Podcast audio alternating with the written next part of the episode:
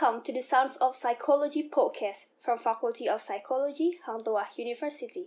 Please enjoy our discussion about life, mental health, and mindset. Hopefully, this can be your healing system. Now, close your eyes and open your mind widely. Thank you, and here we go.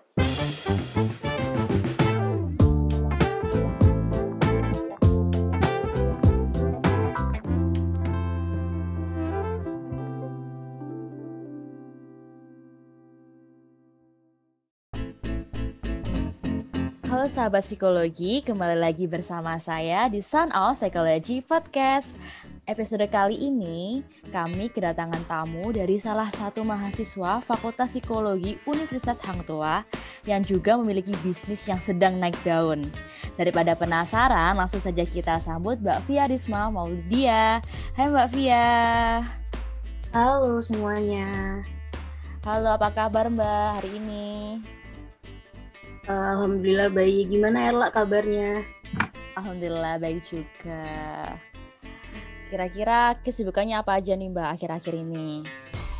Uh, untuk kesibukan sendiri kayaknya ya gitu-gitu aja ya karena mata kuliah juga udah habis.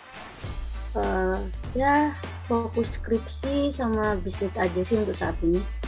Wah, semoga lancar ya Mbak bisnisnya dan skripsinya. Amin. Amin, cepat nyusul ya. Aduh, amin amin ya Allah, amin. Nah, sahabat psikologi, pada episode kelima ini kami akan mengangkat tema tentang bisnis dan kuliah. Nah, tadi kan sempat disinggung nih sama Mbak Via tentang bisnis.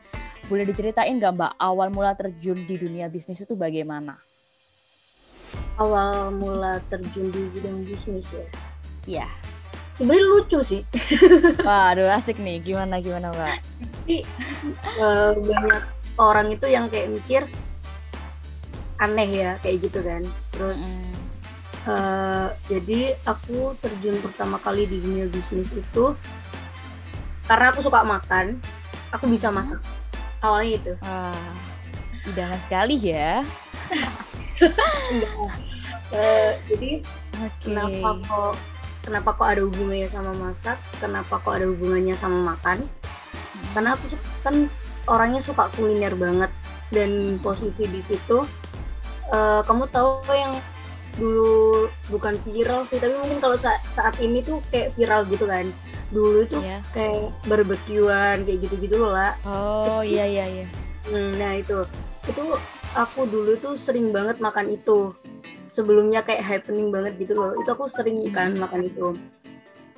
Uh, ya lumayan juga harganya kan. Nah kebetulan posisi itu uh, aku itu lagi males keluar tapi aku pengen makan. Karena kan kayak belinya kan harus ke TP terus kayak uh, tempat-tempat mall-mall lah kayak gitu kasarannya uh, uh, uh, uh, uh, karena dia belum belum sebum sekarang yang setiap tempat itu ada kayak gitu. Jadi aku coba buat sendiri. Terus kebetulan ada temenku nih ada temenku yang ke rumah.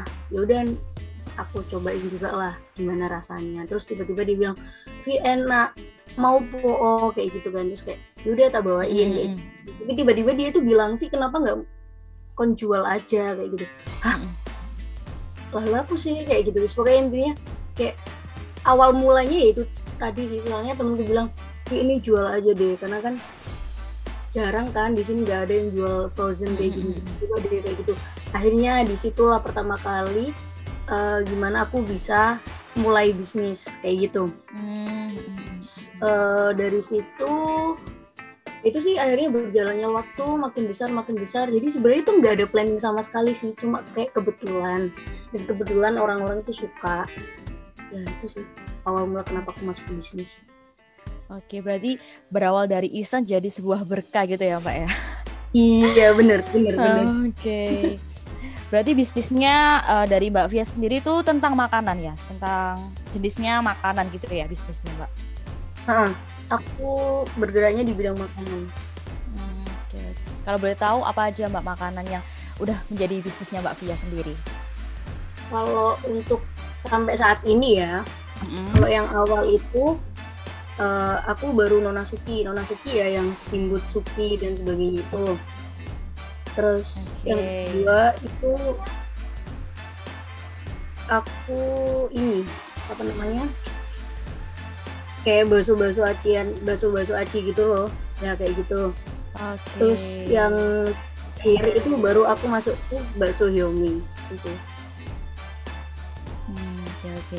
Nah buat sahabat psikologi mungkin bisa ya uh, cek di Instagramnya boleh disebutkan Mbak sekalian promosi nih nggak apa-apa. Oh, boleh banget nih.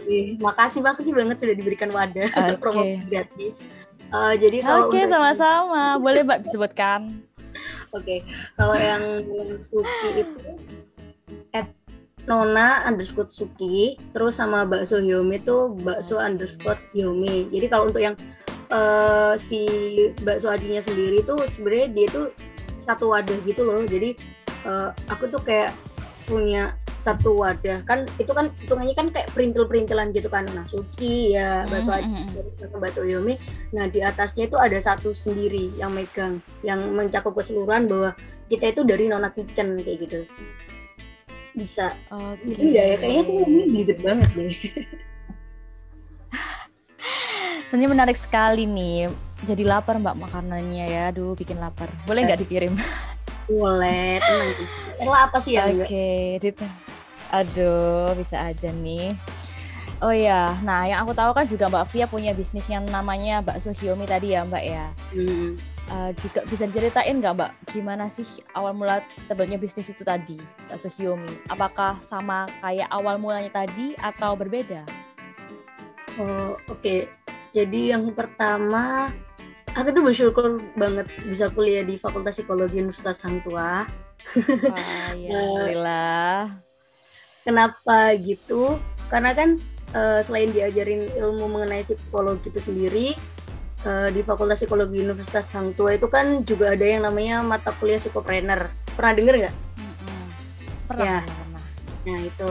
Eh, jadi eh, mata kuliah ini tuh kan mempelajari mengenai bisnis, terus bagaimana memulai bisnis, terus serta kayak diwajibin gitu loh bagi mahasiswa untuk bisa membuat produk baru.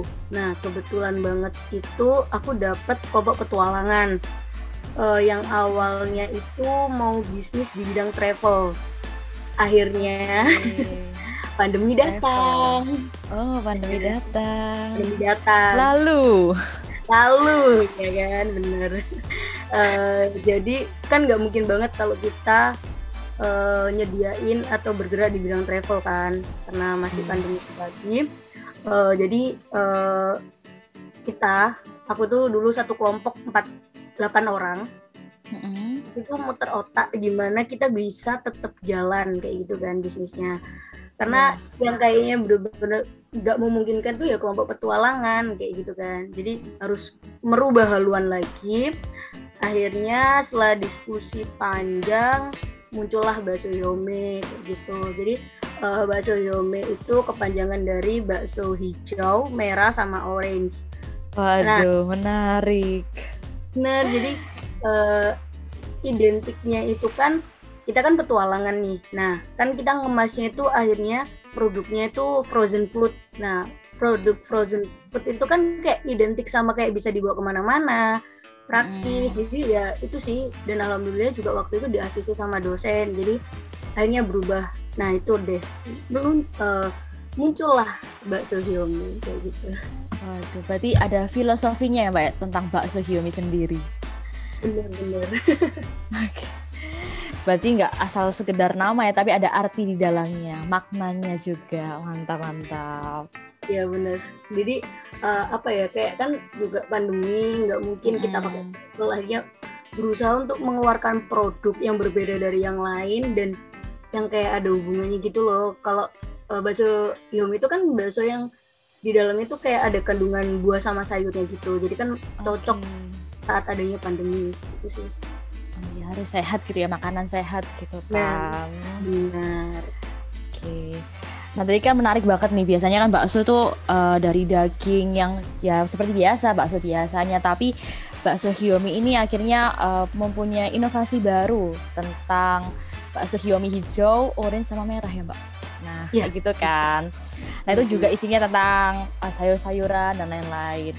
Nah kira-kira dari bakso yang punya ciri khas sendiri nih apakah sudah pernah nih mendapatkan penghargaan atau bagaimana? Sepertinya kan kayak asik banget gitu loh, baru-baru banget gitu. Uh, iya sih, ya, okay. ya gimana ngomongnya? uh, Gak pernah jadi, nih berarti ya? Ya adalah beberapa gitu. Jadi uh, bakso Hyomi itu uh, sempat dapat dana hibah kompetensi bisnis mahasiswa Indonesia tahun 2020. Jadi itu kayak uh, apa ya? Kayak acara ya bahasanya apa sih? Kayak ya uh, event itu nggak sih? Ya event yang diadain sama pemerintah. Jadi setiap uh, mahasiswa yang punya bisnis itu bakal diseleksi proposalnya dan bakal dapat uang waktu itu tuh mentok itu kalau nggak salah seingatku 20 juta 20 juta untuk setiap proposal bisnis kayak gitu. Dan alhamdulillahnya ternyata bakso Yomi bakso Yomi dapat gitu. Ya gitu deh lolos seleksi dana gitu. Terus belasan juta lah nominalnya kurang lebih kayak gitu. Boleh sebutin nggak mbak? Lah pokoknya belasan juta gitu lah Oke, banyak ya sahabat psikologi. Iya, ya lumayan buat modal lagi enak gitu. Terus uh, kebetulan juga uh, Bakso Yomi itu juga dapat juara tiga kategori makanan dan minuman di kompetisi mahasiswa Indonesia atau KMI Award tahun 2020 ya barusan kemarin sih itu itu itu itu, itu doang sih nggak ada lagi Aduh, itu doang tapi sangat-sangat wow sekali gitu. Congratulations mbak Via dan teman-teman. Terima kasih. Karena emang sebenarnya itu nggak nggak pernah berpikir sama sekali kalau kita bakal menang gitu loh. Karena uh, ya kan lawannya satu Indonesia terus kayak uh. aku ya ya aku bukannya merendah karena emang aku hitungannya orang baru gitu kan di bidang bisnis. Jadi kayak gak mungkin gitu. Terus waktu kan itu kan aku presentasi kan habis presentasi besoknya itu baru yang namanya kayak dikasih tahu gitu loh pengumuman siapa yang menang-menangnya. Dan posisi itu tuh dikiranya udah selesai pemenangnya jadi kayak dosen-dosen pembimbing itu kayak ya udah nggak apa-apa sabar ya mungkin belum belum waktunya buat menang. Uh, udah udah tinggal tidur aku udah tidur. Tapi teman-teman itu masih kayak mantengin gitu loh. Jadi beberapa aku gak berpikir sama sekali bahwa aku bakal menang. Jadi aku bener tiduran gitu. Pokoknya aku berusaha untuk menyibukkan diri karena aku mikir ya udah nggak bakal menang juga. Ngapain diliatin ditontonin kayak gitu kan. Ternyata tiba-tiba masih ada kategori yang banyak kan di belakang itu. Itu pria baru dari situ aku baru tahu kalau oh iya ternyata aku menang. Lagi nggak percaya aja sih. Oke. Okay. berarti uh, mengerjakannya dengan tulus ya mbak. Nggak usah mikir menang atau kalahnya kan? Gitu ya nggak sih mbak? Benar benar benar. Kalau udah ikut kompetisi itu nggak usah bingung mau apa kayak nggak ya oke okay lah mungkin boleh ya. Untuk kayak Uh, tapi bukan untuk masalah menang kalahnya sih. Kalau menurutku tuh lebih baik kayak aku harus bisa ngasihin yang terbaik apa yang tak bisa. Itu aja sih Oke, mantap sekali.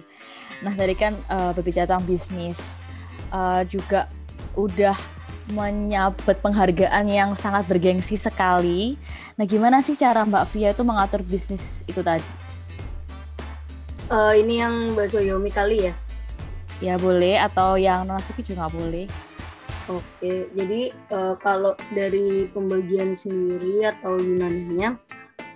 Otomatis sebenarnya harus tahu sih mengenai potensi dari timnya itu sendiri. Kayak misal uh, si Ani pintar masalah ngedit mengedit, pasti kan ditaruhnya di publikasi sama dokumentasi, nggak mungkin ditaruh yang lain karena uh, pentingnya juga mengetahui bagaimana potensi dari tim itu sendiri. Terus uh, apa ya kayak uh, kalau dari Bakso Yomi sendiri ini kan uh, aku kan karena emang basicnya dari mata kuliah otomatis yeah. itu bukan punyaku atau punya orang. Jadi kita tim gitu kan. Jadi untuk masalah pembagian dan sebagainya otomatis ya rata kayak gitu. Terus uh, tapi di sini meskipun aku kayak baginya itu rata, aku itu tetap kayak investasi nomor satu kayak gitu kan kenapa kok aku ini investasi nomor satu karena uh, semuanya itu bergantung di investasi kayak gitu kayak misal kamu uh, usaha tapi kan harus ada barang atau benda mati yang emang bener-bener menunjang dari usahamu itu sendiri. Jadi apa ya kalau dari aku nggak sih kayak semua pembisnis juga uh, apa ya kayak modal balik itu lama. Apalagi kalau misal punya kayak beli mesin atau uh, apa pun itu yang emang harganya puluhan juta. Pokoknya yang penting stabil dulu jalan dulu. Itu sih terus kalau untuk yang nona suki atau nona kitchen yang sebagainya itu kalau aku tuh untuk pembagian nggak ada karena emang aku sendiri kayak misalnya aku yang punya gitu kan aku ownernya jadi aku tuh kalau ngegaji orang itu per hari per hari terus dia datangnya berapa jam dan sebagainya kalau dari no, Nona Kitchen sendiri sih kayak gitu beda kan soalnya dari Mbak Soyomi sama yang Nona Kitchen itu gitu. oke okay. Uh, tadi kan udah banyak nih Mbak uh, bisnis yang digeluti sama Mbak Via sendiri dari Nona Suki kemudian Mbak Sohyomi nah kira-kira uh, ada kendala nggak sih mbak dalam menjalankan bisnis gitu atau suka dukanya berbisnis itu bagaimana sih? Uh, banyak ya pasti suka dukanya bisnis. Aku udah mulai bisnis itu kalau nggak salah masuk itu kurang lebih ya itu tiga tahunan. Tiga tahunan tiga itu uh, suka dukanya sebenarnya banyak sukanya sih karena aku sebenarnya bisnis itu hobi bukan kayak bisnis itu bener jadi kayak apa ya kayak ya aku pengen jualan jualan gitu enggak tapi karena aku suka aku hobi kayak gitu kan. Nah di situ tuh sebenarnya lebih ke bagaimana diri kita sendiri sih dalam arti sebenarnya aku nggak serius di bidang bisnis awal-awalnya hampir sampai setahun setengahan gitu tuh kayak mut-mutan.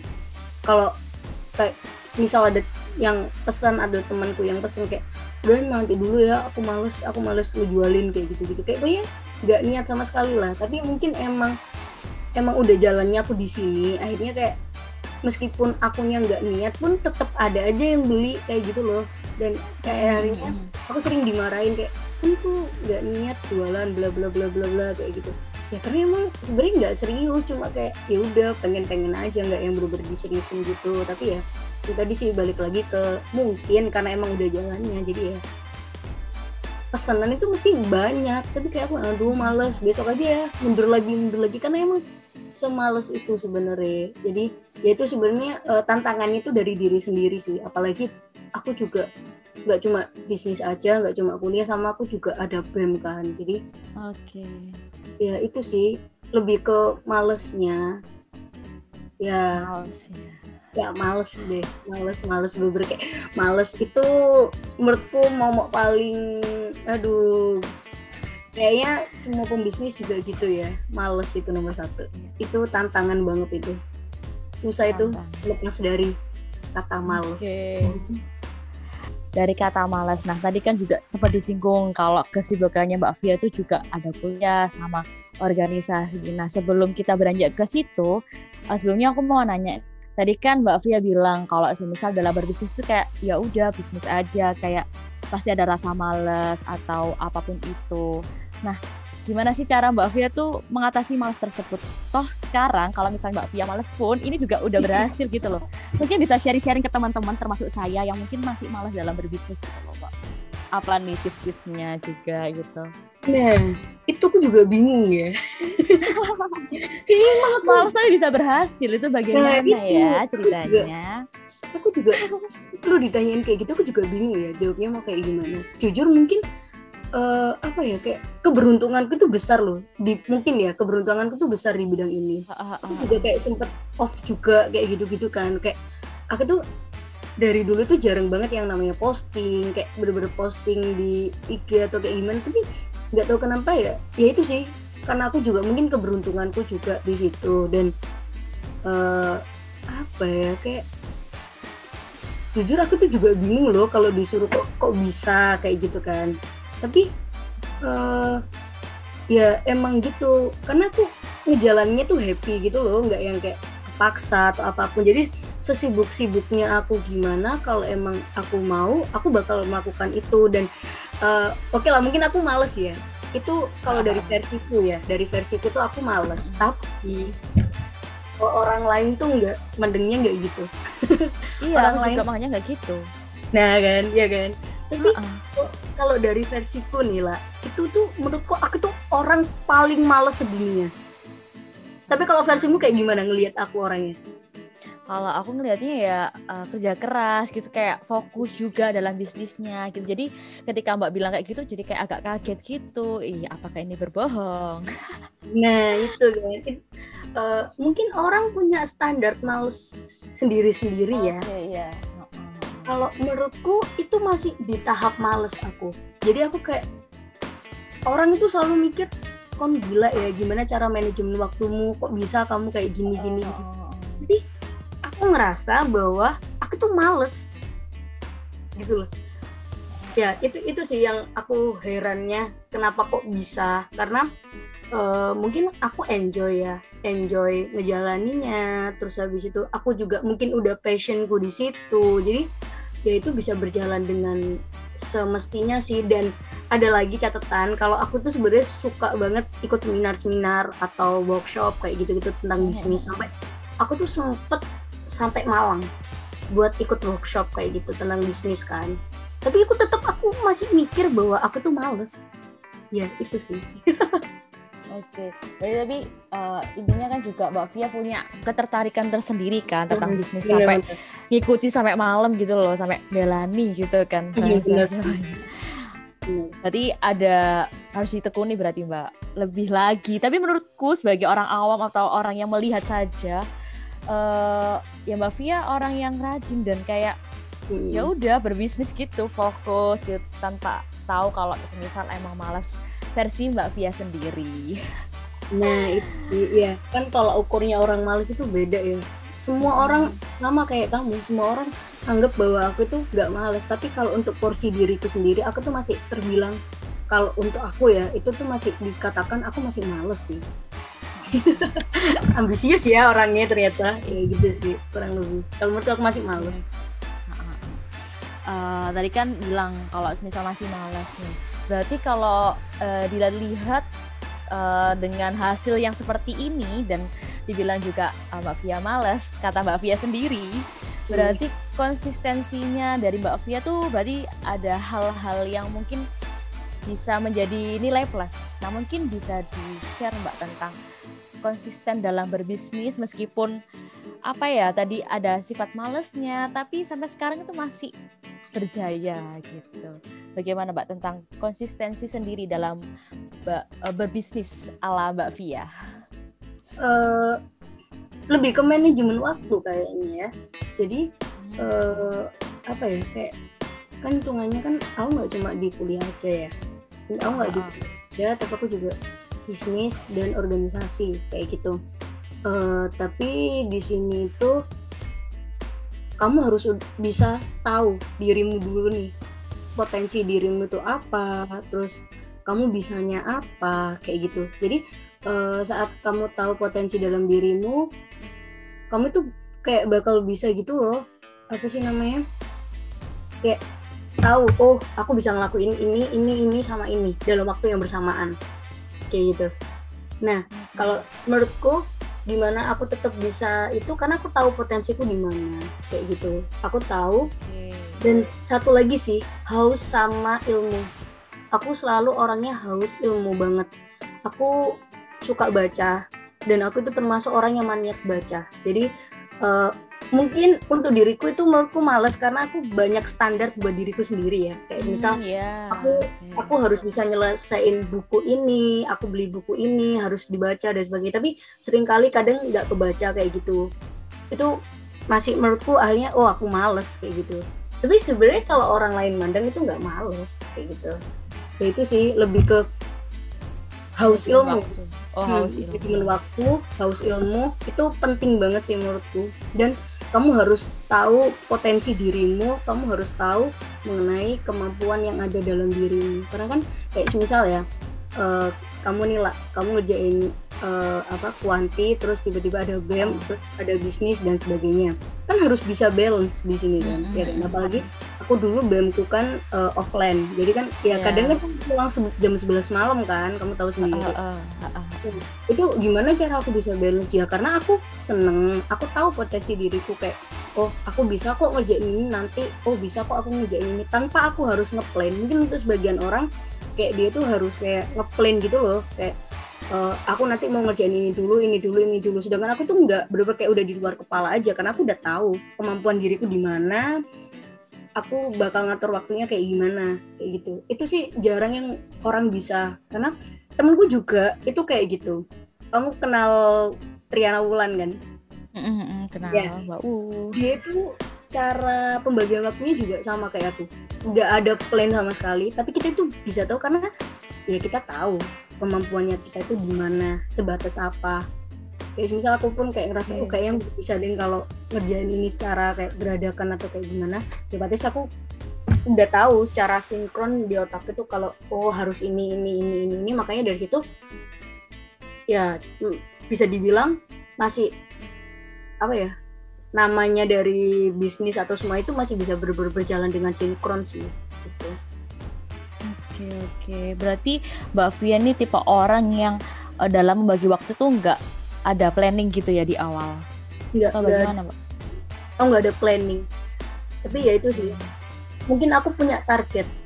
Target-target. Nah itu aku... mungkin bisa ceritain Mbak gimana nih bagi waktunya atau targetnya karena kebanyakan orang termasuk saya pun ah. kalau misalnya mengatur waktu tuh kayak harus planning oh hari Senin hmm. ini pentingnya tuh di sini prioritasnya di ya uh, sama BEM nantilah jam segini atau bisnisnya segini. Nah, kalau Mbak Via sendiri tuh bagaimana tanpa harus memplan tapi bisa berjalan dengan baik. Wah, itu asik banget nih. Mungkin bisa di-sharekan ke teman-teman semuanya. Jujur ya, aku tuh bingung dan aku tuh sebenarnya bukan tipe orang yang bisa diikutin. Jadi uh, percaya nggak dalam satu hari itu aku bisa datang di lima kegiatan sekaligus. Percaya? Percaya kan? uh, iya, iya. pokoknya kalau orang yang udah teman-teman yang udah deket banget sama aku tuh pasti kalau misal ada orang lain ya yang ya oke lah kita kenal tapi yang nggak sebegitu deket kan pasti kayak kun kok bisa sih uh, manajemen waktu kayak gitu gimana caranya kalau teman-temanku nih jawabnya itu kita itu KB digradat jadi kalau dalam bahasa Indonesia itu kayak semuanya itu dibabat habis kayak gitu. habis. nah karena orangnya nggak bisa diem ya kan? Orangnya nggak bisa diem.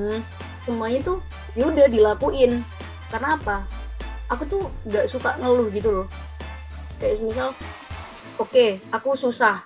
Kayak misal di di bulan apa kok penurunan nih bisnisnya.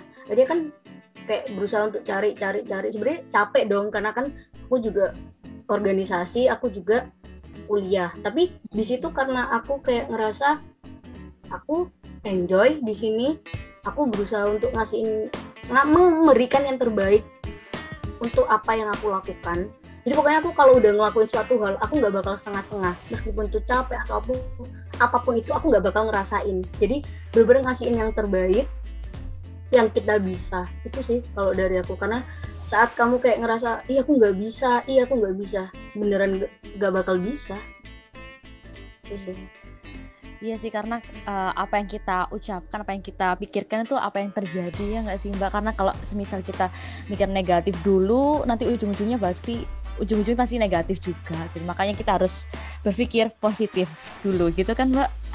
Ya bener-bener banget. Aku aku tuh nggak pernah ngomong aku nggak bisa. Okay. Apa pun yang kayak hal baru yang datang sama aku, itu aku selalu bilang iya. Karena aku mikir kesempatan gak datang dua kali, kalaupun kamu nggak bisa kamu harus bisa belajar kamu sekarang kan belajar gampang banget kan. Bisa dari hmm. YouTube bisa dari buku atau apa pun. Apalagi media sosial sekarang banyak banget kan masalah pembelajaran atau apa pun itu. Apalagi mengenai bisnis kayak gitu. Hmm, jadi hmm, itu sih. Jangan pernah melewatkan kesempatan apa pun. Jangan pernah takut untuk mencoba hal baru. Itu sih. Dan berusaha untuk menikmatin apa pun itu itu susah atau apa tetap kayak kalau kamu udah nyemplung udah terjun ya udah lanjutin selesaiin habisin sampai bener-bener kamu udah mentok oke okay, aku udah cukup di sini itu sih kalau aku oke Oke, quotes via Risma 2021. nah, tadi kan apa ya kalau misalnya dipikir itu iya juga ya gitu. Bisa memplan uh, bisa menjalankan kegiatan tanpa mem harus memplanning terlebih dahulu. Emang sih mudah banget diucapin. Nah, tapi pernah nggak sih Mbak Mbak Via itu uh, mendapatkan tugas banyak di kuliahan, kemudian mendapatkan uh, orderan yang juga banyak? pernah nggak sih mbak ngalamin hal kayak gitu? Sering banget sih sebenarnya sering banget. Tapi ya itu maksudnya pinter-pinteran untuk bagi waktu. Kalau emang semisal kan aku kan juga nggak sendirian kan dibantu juga beberapa orang. Ya udah kalau uh, kalau aku dulu tuh sistemnya masih PO karena aku tahu aku nggak bisa setiap hari kayak ngurusin pesanan kayak gitu kan. Dan nggak mungkin juga aku kayak lepas tangan. Pasti aku kalau produksi atau apa pun aku harus ada di situ kayak gitu kan. Soalnya uh, ya kontrol dan sebagainya gitu sih. Jadi ya aku berusaha uh, nyiptain sistem. Kayak misal ya udah PO di hari ini sama ini. Kalaupun sesibuk-sibuknya atau se apa ya kayak sesibuk-sibuknya atau kayak banyak banget tugas kayak gitu aku tuh nggak tahu ya. Bisa aja gitu nyempil di tengah-tengahnya nyari sela-selanya kayak gitu. Jadi uh, ya itu sih itu sebenarnya tergantung kemauan seseorang. Kalau saat kamu emang udah dari awal udah masuk dan kamu udah berkomitmen dan kamu udah suka itu nggak bakal jadi beban sih. Sebanyak apa pun tugasnya se sibuk apa pun pasti bakal ada aja salah itu menurutku sih karena emang niat ya. Jadi uh, dari individu itu sendiri ya mbak uh, hal hmm. itu bisa berjalan dengan baik atau tidaknya gitu enggak Iya bener-bener banget. Tergantung tergantung orangnya sih. Maksudnya nggak semua orang juga bisa kayak aku kayak semuanya digeradak atau apa pun itu kan. Tapi uh, saat sebenarnya kamu udah berkomitmen dengan dirimu saat kamu udah melakukan A ya kamu harus bisa ngasihin yang terbaik di A ini. Meskipun kamu uh, kayak A B C kamu ngejalanin semuanya ya kamu nggak boleh kayak tumpang tindih. Kayak harus aku cuma fokusnya di A jadi B sama C. Cuma ya udah kayak setengah-setengah. Jangan pernah berpikir kayak gitu karena berpikirlah bahwa kamu harus bisa benar-benar ngasih yang terbaik buat dirimu. Karena aku tuh ya nggak tahu ya ini bisa dibilang ambisius atau enggak. Tapi aku tipe orang yang aku harus bisa memberikan yang terbaik dari apa yang tak lakuin. Saat aku belum maksimal aku nggak bakal bisa tidur. Kayak misal uh, aku lomba gitu kan ada konsep atau apa pun aku nggak bakal bisa tidur sampai konsepku ini matang dan konsepku ini menurutku kayak bagus gitu loh. Aku orangnya gitu sih ya itu nggak tahu ya. Bisa dibilang ambisius atau biasa aja. Bisa sih. Bisa sih. Jadi mungkin uh, lebih tergantung sama individunya sendiri hmm. kemudian kemampuannya juga berpikirannya tuh juga harus uh, memberikan yang terbaik untuk masalah caranya tuh setiap orang punya cara tersendiri. Benar, Bagaimana benar. orang itu itu tahulah dirinya tuh aku punya cara ini kok. Jadi nggak usah ngikutin orang lain juga nggak apa-apa. Jadi setiap orang punya cara tersendiri untuk menjadikan yang terbaik. Waduh mantap benar, sekali. Nah, setiap individu kan sendiri-sendiri kan lah. Pasti Erla juga punya kan kayak iya. Beda lah pasti sama aku kayak ya mungkin kamu punya cara kayak gitu. Lah, caraku itu kayak gini loh, kayak gitu. Di sini kan kita bisa sharing nih. Ternyata ada cara-cara lain mungkin kalau misalnya mencoba mungkin cocok ya why not? Silahkan yeah. dicoba buat teman-teman semua gitu. Nah, bicara tentang kuliah sama bisnis nih balik lagi. Hmm. Itu kan hal yang berat nih, Mbak, kalau misalnya dipikirkan. Okay. Nah, kalau semisal uh, di antara dua hal ini kuliah itu ngikutin bisnis atau bisnis tuh ngikutin kuliah? Kalau menurut Mbak Pia sendiri?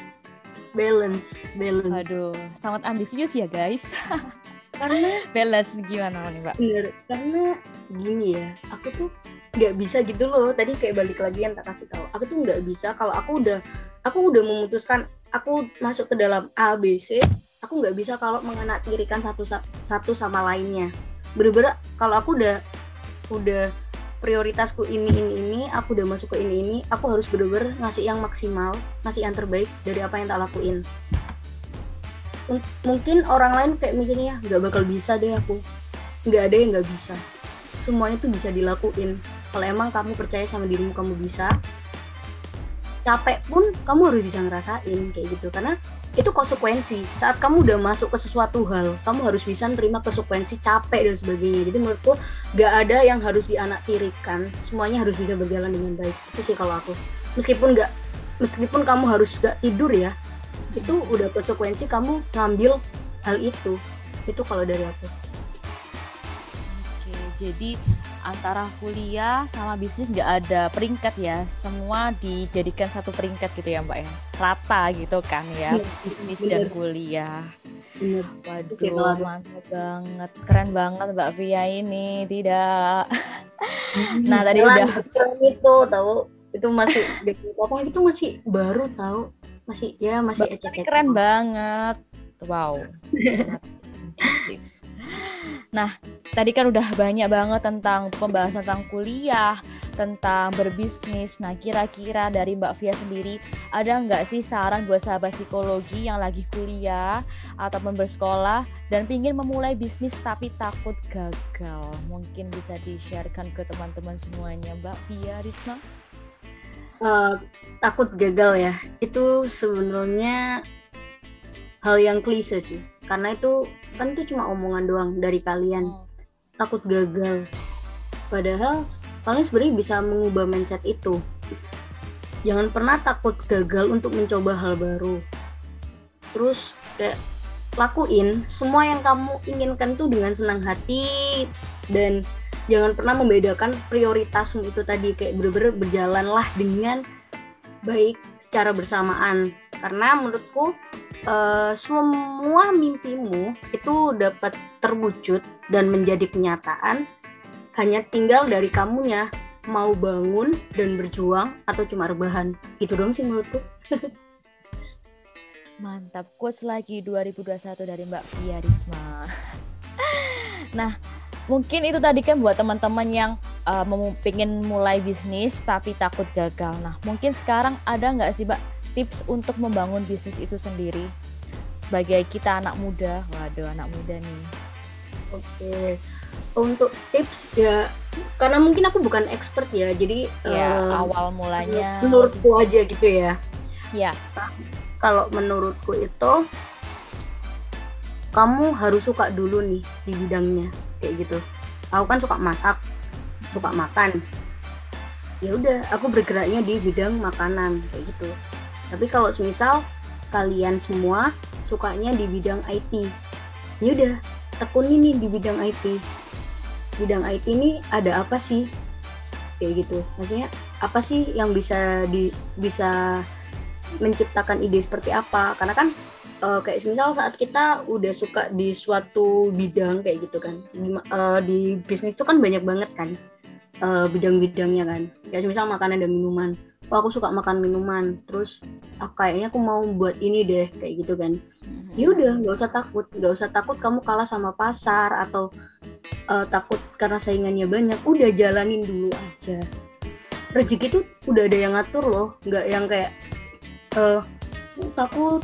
Nanti nggak ada yang jual. Nanti kalau rugi gimana? Kan pasti banyak orang yang bakal berpikir seperti itu kan. Padahal menurutku itu itu tuh nggak seharusnya kamu berpikir kayak gitu. Karena ya balik lagi tadi yang Erla ngomong pikiran itu kan bisa berpengaruh juga kan sama diri kita sendiri. Jadi saat apa yang kamu omongin kayak gitu bisa jadi itu malah yang jadi kenyataan loh. Tapi kalau misal dari awal emang kamu udah confident dengan idemu dengan kamu ya oke aku jualan ini nanti target masaku ke sini nanti oke kayaknya aku ngejualin ke teman-temanku dulu deh siapa tahu ada yang mau kayak gitu satu dua yang beli tuh pasti seneng banget ya kan? Itu pasti seneng banget meskipun nggak yang beli itu nggak banyak. Tapi untuk awal-awal mula bisnis itu pokoknya jangan pernah takut untuk mencoba. Udah gitu. Jangan pernah takut untuk mencoba. Jangan pernah malu untuk kamu jualan. Kan sebagian orang kadang gak ah males aku malu. Hari itu loh dua dolar kayak gini-gini. Jangan gak usah malu. Ngapain sih mikirin orang lain kayak gitu? Toh eh, jualan juga nggak nyusah apa nggak bukan sebuah pekerjaan yang hina kayak gitu kan. Itu kan juga ngasilin uang toh nanti uangnya juga buat kalian sendiri. Jadi jangan pernah menco- eh, takut mencoba hal baru. Jangan malu untuk berjualan dan tetap kayak kalau semisal pun aku jualan A terus kayak orang lain bilang eh kayaknya kurang ini deh kayaknya kurang ini. Itu ditampung aja udah. Kayak ditampung dibuat evaluasi gimana caranya kita bisa benar-benar memberikan sebuah hal atau produk dari kita itu bisa enak dengan kritik dan saran dari orang lain. Jadi sebenarnya kritik dan saran dari orang lain tuh bukan menjatuhkan tapi malah membuat kita itu semakin berkembang dan semakin bagus dari produk itu sendiri. Karena kan uh, kan kayak sebagian orang kan uh, seleranya beda-beda ya. Jadi kalau misal ada kayak aku udah ngejualin nih produknya kan eh kayaknya kurang ini deh. Oke oke makasih. Nanti aku juga harus bisa nge-review bisa coba buat sesuai dengan masukan dari orang lain itu. Karena menurutku bisnis itu gak bisa berjalan tanpa adanya kritikan dan saran dari orang lain. Karena menurutnya kita bagus belum tentu menurut orang lain itu bagus juga. Jadi saat orang lain udah dapetin atau udah mencoba produk kita dan itu ternyata enak banget pasti dia bakal uh, ngasihin ke orang lain atau kayak apa ya kayak mempromosikan secara nggak langsung. Eh ini loh makanannya enak. Udah beli aja di sini daripada jauh-jauh beli ke mall atau kayak gimana. Kan itu malah enak kayak gitu loh. Jadi jangan pernah takut untuk dikritik atau diberikan masukan sama orang mengenai produk kita sih. Jadi itu tadi uh, apa tadi ya? Aku tadi bilang jangan pernah takut mencoba hal baru. Jangan malu buat jualan. Jangan ngedown saat kamu dikritik atau diberikan masukan harusnya tetap semangat dan semakin kayak membuat oke okay, aku bakal bisa buktiin ke kalian kalau aku bisa buat jualan ini bukan kayak sebelah mata aja gitu menurut kalian itu sih tergantung mindset sih ya Iya, waduh mantap banget. Yang manis lagi halal, ya kenapa tidak gitu. Nah, benar. Waduh, mantap banget nih pembahasan kali ini. Sangat menarik sekali. Nah, mungkin uh, dari Mbak Fia tadi kan udah banyak memberikan quotes-quotes atau uh, sebuah insight-insight baru ke sahabat psikologi. Apakah ada closing statement nih dari Mbak Fia untuk para sahabat psikologi yang lain nih? Bentar, bingung deh mau ngomongin apa. Uh, jadi ya itu, ya itu sih balik lagi uh, jangan pernah takut untuk mencoba hal baru. Jangan malu. Jangan malu.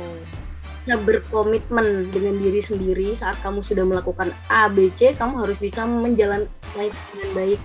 Nggak ada yang harus dianaktirikan atau harus ada yang prioritaskan. Semuanya harus bisa berjalan dengan baik. Kayak gitu. Terus saat kamu udah ngerasa kamu turun harus gimana caranya kamu harus bisa bangkit apa pun itu. Jangan pernah kayak ngerasa atau membuat dirimu insecure. Kayak misal aku nggak bisa ini aku nggak bisa itu. Hmm. jangan pernah ada kayak gitu. Pokoknya tetap positif melakukan yang terbaik dari apa yang kamu lakukan. Udah itu aja sih kayaknya. Mantap banget. Nah, mungkin buat sahabat psikologi yang ada di mana-mana. Ini mungkin bisa dicatat nih poin-poin penting tadi yang udah disampaikan oleh Mbak Via tentang caranya tuh berbisnis atau berkuliah tuh dengan baik dan masih bisa balance gitu teman-teman. Dan mungkin bisa temukan passion dulu ya buat teman-teman. Ya nggak sih mbak? Temukan passion supaya ya, nanti ke depan itu uh, teman-teman kalau semisal ada suka ataupun duka tuh masih bisa enjoy dan mindsetnya pun bener. yakin banget bisa dilalui. Karena ini passion gue kok oh asik passion gue passion aku. Jadi kayak yeah. oke okay, aku bisa melalui hal-hal yang mungkin pasti sulit untuk dilalui tapi yakin aja pasti bisa dilalui kayak gitu.